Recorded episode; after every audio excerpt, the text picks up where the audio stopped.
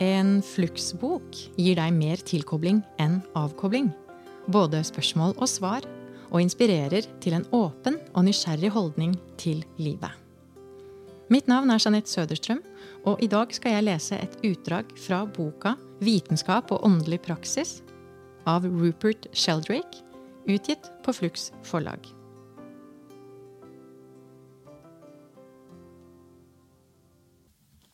Jeg leser fra kapittel fire, som heter Å forholde seg til planter, og leser fra der det starter med overskriften Blomster. De fleste setter pris på blomster, og i årtusener har mange kulturer gått ut fra at guder, gudinner og gud også setter pris på dem. I Egypt er søylene på mange av templene i Luxor kronet med utskjæringer av lotusblomster. På tross av bildeforbudet i De ti bud var Salomos tempel dekorert med utskjæringer av bl.a. planter og blomster. Alle veggene i huset, både innvendig og utvendig, prydet han med utskårne bilder av kjeruber, palmer og utsprungne blomster. Og jeg refererer bildeforbudet i islam omfatter ikke blomster. Og mange moskeer, gravsteder og andre hellige bygninger er dekorert med blomsterformer, inkludert Taj Mahal. Mange buddhistiske templer inneholder bilder av lotusblomsten, og Buddha avbildes ofte sittende på en. Lotus og andre blomster blir brakt til buddhistiske templer som offergaver. Hinduer ofrer blomster til guder og gudinner som en del av tilbedelsen i templene. Blomster brukes jevnlig til å dekorere kristne kirker. I inngangspartiet til mange engelske landsbykirker er et av de mest iøynefallende oppslagene blomsterturnusen som viser hvem som har ansvaret for å skaffe og arrangere blomsterdekorasjonene på søndager. I bergprekenen sier Jesus, Og hvorfor er dere bekymret for klærne? Se på liljene på marken, hvordan de vokser. De strever ikke og spinner ikke, men jeg sier dere, selv ikke Salomo i all sin prakt var kledd som en av dem. Disse ordene står blant en rekke uttalelser om at man bør sette sin lit til Gud, så man kan leve i øyeblikket i stedet for å bekymre seg for hva som vil skje i morgen. De fleste bibelkjennere er enige om at Jesus henviser til markblomster generelt, ikke bare liljer. Poenget med markblomstene er at de vokser av seg selv, spontant, slik de har gjort i millioner av år. De fleste hageblomster er derimot et resultat av planteforedling. De avslører et potensial som har ligget skjult hos deres ville forløpere. Selv om de som regel er mer oppsiktsvekkende enn sine forgjengere, er de et produkt av menneskelig utvelgelse, og dyrkingen av dem krever menneskelig aktivitet. Selv på Jesu tid var åkervekster, fikentrær og vinstokker allerede resultatet av tusener av år med menneskelig rendyrking og utvalg. En fordel med å betrakte markblomster er at de umiddelbart tar oss med utenfor den menneskelige verden av arbeid, der man strever og spinner, i motsetning til dyrkede blomster. Som hageeier setter jeg stor pris på skjønnheten i hageblomster, og bruker timevis på å dyrke dem frem. Men jeg syns det er lettere å bli oppslukt av betraktningen av markblomster, for i hagen min legger jeg fort merke til ting jeg burde ha gjort, som å luke ugress, eksempel. Ugress er planter på feil sted. Men markblomster er på riktig sted. De får meg ikke til å tenke at jeg skulle ha gjort et eller annet. Å betrakte blomster er ikke det samme som å se passivt på dem. Det hjelper å vite noe om dem. Når du begynner å betrakte dem, innser du at hver art har sin egen type blomst. Da den svenske naturforskeren Carl von Linné la grunnlaget for den moderne klassifiseringen av planter på 1700-tallet, innså han at blomstene ga han en måte å gruppere plantene i familier på. Han klassifiserte plantene etter det som kalles seksualsystemet, fordi blomstene inneholder plantenes kjønnsorganer. Hannlige støvbærere, som produserer pollen, og de hunnlige fruktbladene, arrene, som inneholder egg. Rundt disse kjønnsorganene sitter kronbladene og begerbladene. Dette systemet er ved første øyekast overraskende, for det bringer sammen planter som ser svært forskjellige ut. Erte- og bønnefamilien, f.eks. Leguminosae eller fabasae, inneholder planter med mange forskjellige former på bladene og stor variasjon i form og størrelse. Noen er urtaktige ettårige planter, som kikerter. Noen er klatreplanter, som blomsterbønner. Noen er busker, som ertebønner. Andre er trær, som gullrein og akasier.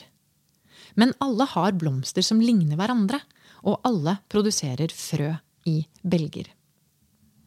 Heldigvis gjør botaniske hager det enkelt for alle å innse variasjonen i former innenfor en familie. Og også se familielikhetene. De fleste av disse hagene har det som kalles systematiske bed, der planter av forskjellige arter innenfor samme familie er plantet ved siden av hverandre, i ett bed medlemmer av Fabaceae, i et annet medlemmer av peonfamilien, Peoniaceae, i et tredje medlemmer av sildreslekten, Saxifragaceae, osv. Selv om disse bedene er plantet, er de fleste av plantene i dem hentet i naturen. Jeg har tilbrakt mange timer med å se på disse samlingene i de botaniske hagene jeg liker aller best.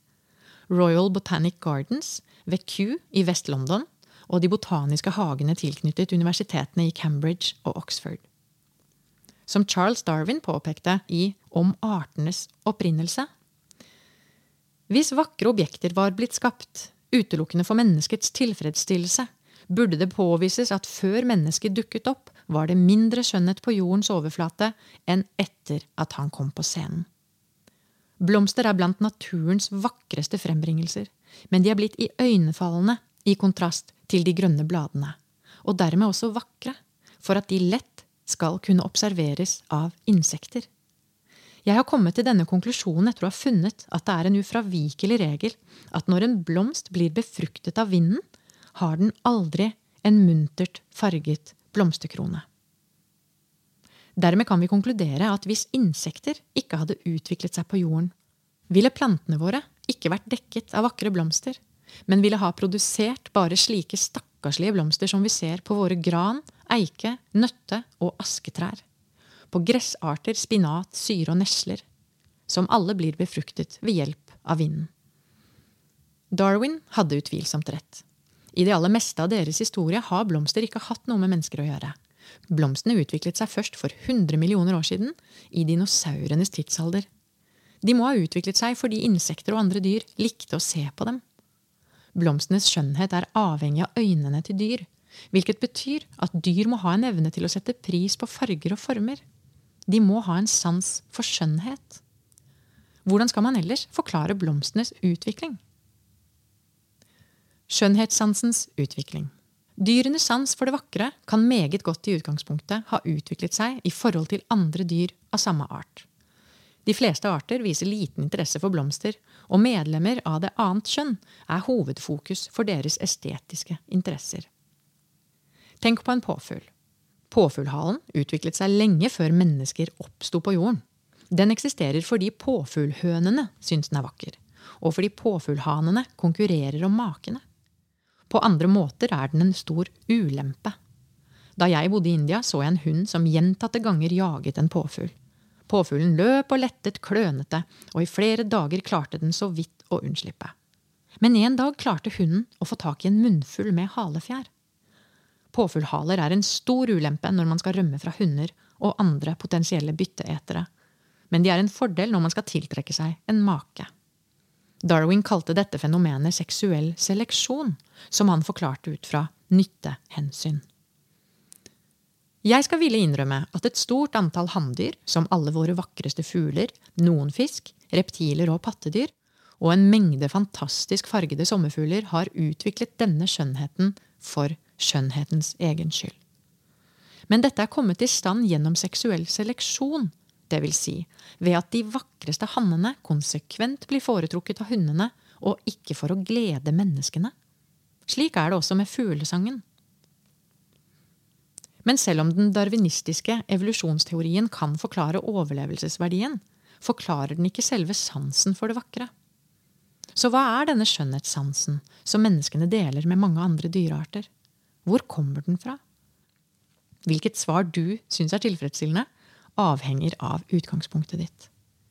Hvis du er en materialist, går du ut fra at universet er ubevisst.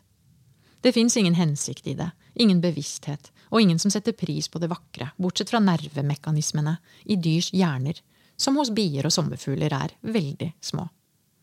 Dette fører igjen til spørsmålet om utviklingen av kvaliteter. er dyrenes respons på farger, former og lukter ikke annet enn et resultat av tilfeldige genetiske mutasjoner og naturlige utvalg? Er tiltrekningen til, eller frastøtingen fra sansestimuli til syvende og sist ikke annet enn et resultat av genetisk programmerte nervemekanismer? Materialister svarer bekreftende på disse spørsmålene. Hvis du derimot tror at bevissthet er en iboende egenskap i naturen, har du et annet utgangspunkt. Fra et panpsykistisk synspunkt er insekter og andre dyr bevisste og har sinn som er i stand til å sette pris på skjønnhet. Våre egne sinn deler sansen for det vakre som er utbredt i dyreriket, og mange av formene og fargene som virker tiltrekkende på dyr, virker også tiltrekkende på oss. Blomster og mange dyr er vakre for skjønnhetens egen skyld, som Darwin uttrykte det. Men hva betyr det egentlig? Ligger skjønnhetens kilde utelukkende i naturen, eller ligger den bak naturen? Fins det en transcendent bevissthet bortenfor tid og rom? I tradisjonen fra den greske filosofen Platon inneholdt denne ytterste virkeligheten, den arketypiske kilden til det sanne, det gode og det skjønne. All skjønnhet i naturen var avledet av denne transcendente bevisstheten, den ytterste kilden til alle former. I kristenteologi er denne transcendente bevisstheten Guds bevissthet.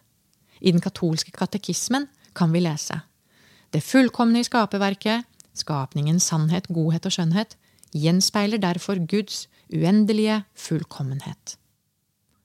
Ikke bare i den katolske kirken, men i de fleste religiøse tradisjoner, kanskje alle, er dyrenes og menneskenes bevissthet til syvende og sist utgått fra bevisstheten som ligger til grunn for universet, og som finnes i hele naturen. Et insekts bevissthet er til syvende og sist utgått fra kilden til all bevissthet. Og det samme er vår egen bevissthet, på sine svært forskjellige måter. Hele naturen gjenspeiler den kreative bevisstheten som ligger til grunn for alle ting. Dette er et tradisjonelt kristent, muslimsk og hinduistisk syn. Alle kvalitetene vi erfarer, farger som grønt og lukter som lavendel, er til stede i Guds bevissthet. Vi tar del i den guddommelige opplevelsen av kvaliteter. Sant Anselm, mystiker, teolog og erkebiskop av Canterbury fra 1093 til 1109, tenkte på Gud som det som man ikke kan forestille seg noe større enn. Gud inneholder alle tenkelige muligheter, en gud som ikke kunne erfare duften av en rose, ville være mindre enn en gud som kunne erfare duften av en rose. Gud inneholder duften av roser og alle farger og alle former og alle andre kvaliteter som erfares av mennesker og andre dyr. Alle kvaliteter er i den guddommelige bevissthet. I denne måten å tenke på er dyrenes bevissthet, inkludert insektenes bevissthet, det underliggende grunnlaget for blomstenes skjønnhet og bevisstheten deres tar del i det guddommelige vesen. Det er derfor de bidrar til å frembringe blomstenes skjønnhet. Bevisstheten deres og deres sans for det vakre deltar i Guds natur, som den ytterste kilde til det sanne, det skjønne og det gode. Gud er ikke som en ingeniør som skaper en separat, mekanisk verden, slik noen mekanis mekanistiske teologer har foreslått. Gud er i naturen, i hver eneste del av den, og naturen er i Gud og tar del i Guds vesen og bevissthet. Da Jesus sa at vi skulle se på liljene på marken, oppfordret han oss til å leve i det guddommelige nærvær gjennom markblomstene. Gjennom markblomstene kan vi direkte erfare Gud i naturen og naturen i Gud.